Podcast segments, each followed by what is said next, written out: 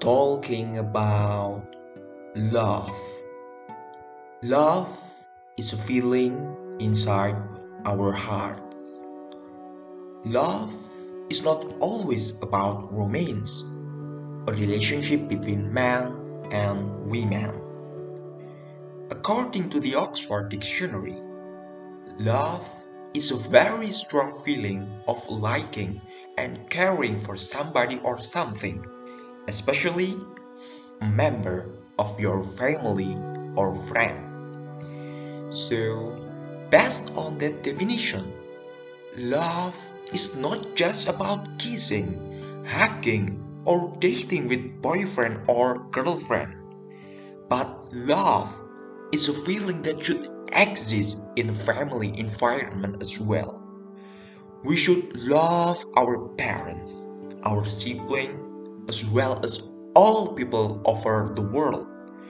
We should spread love everywhere and every time. Because love is neither limited edition for a particular time nor limited person only for someone special.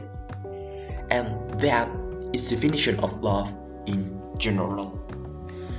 Talking about love, we cannot forget about how to love we should learn and understand deeply about it in order to make a good relationship with the people that we love. Because if we can have a good relationship with people, our love can be lasting forever till the end. We now can see in the reality of life nowadays there are so many people are getting a divorce from their marriage and if we look at in social media, there are so many people who are still judging, underestimating, in hating each other. That is so horrible thing. So there is a question for the problem. Do they love one another? And if the answer is yes, we love. But why is Divorce is still happening as well as judging, underestimating, and hating each other.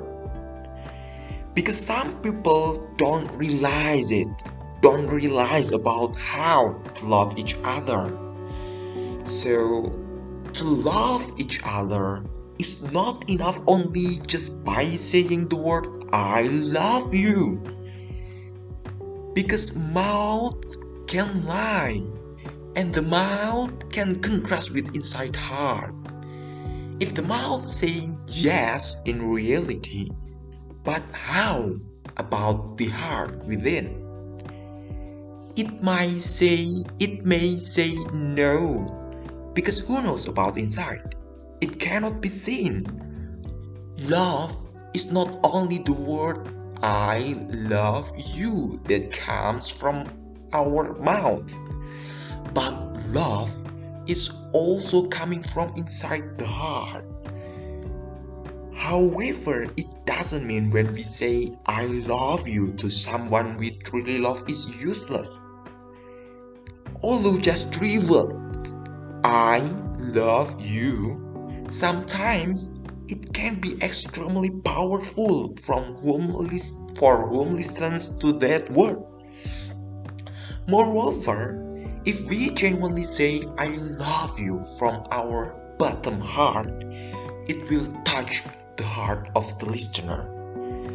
However, just saying I love you is not enough, but still, it has a strong power to express love.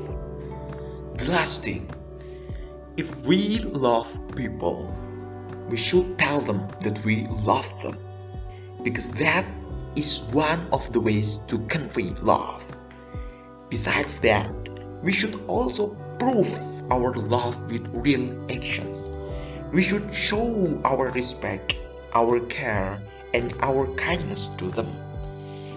Action is the more powerful weapon to show love than just saying the sweet words. People we love can be more comfortable and happy to stay with us because of our attention towards them. Remember, if we want to get respect from others, we should respect first, as well as love. If we, if we want to get a love, we should love first. Thank you. Don't forget to tell people you love that you love them.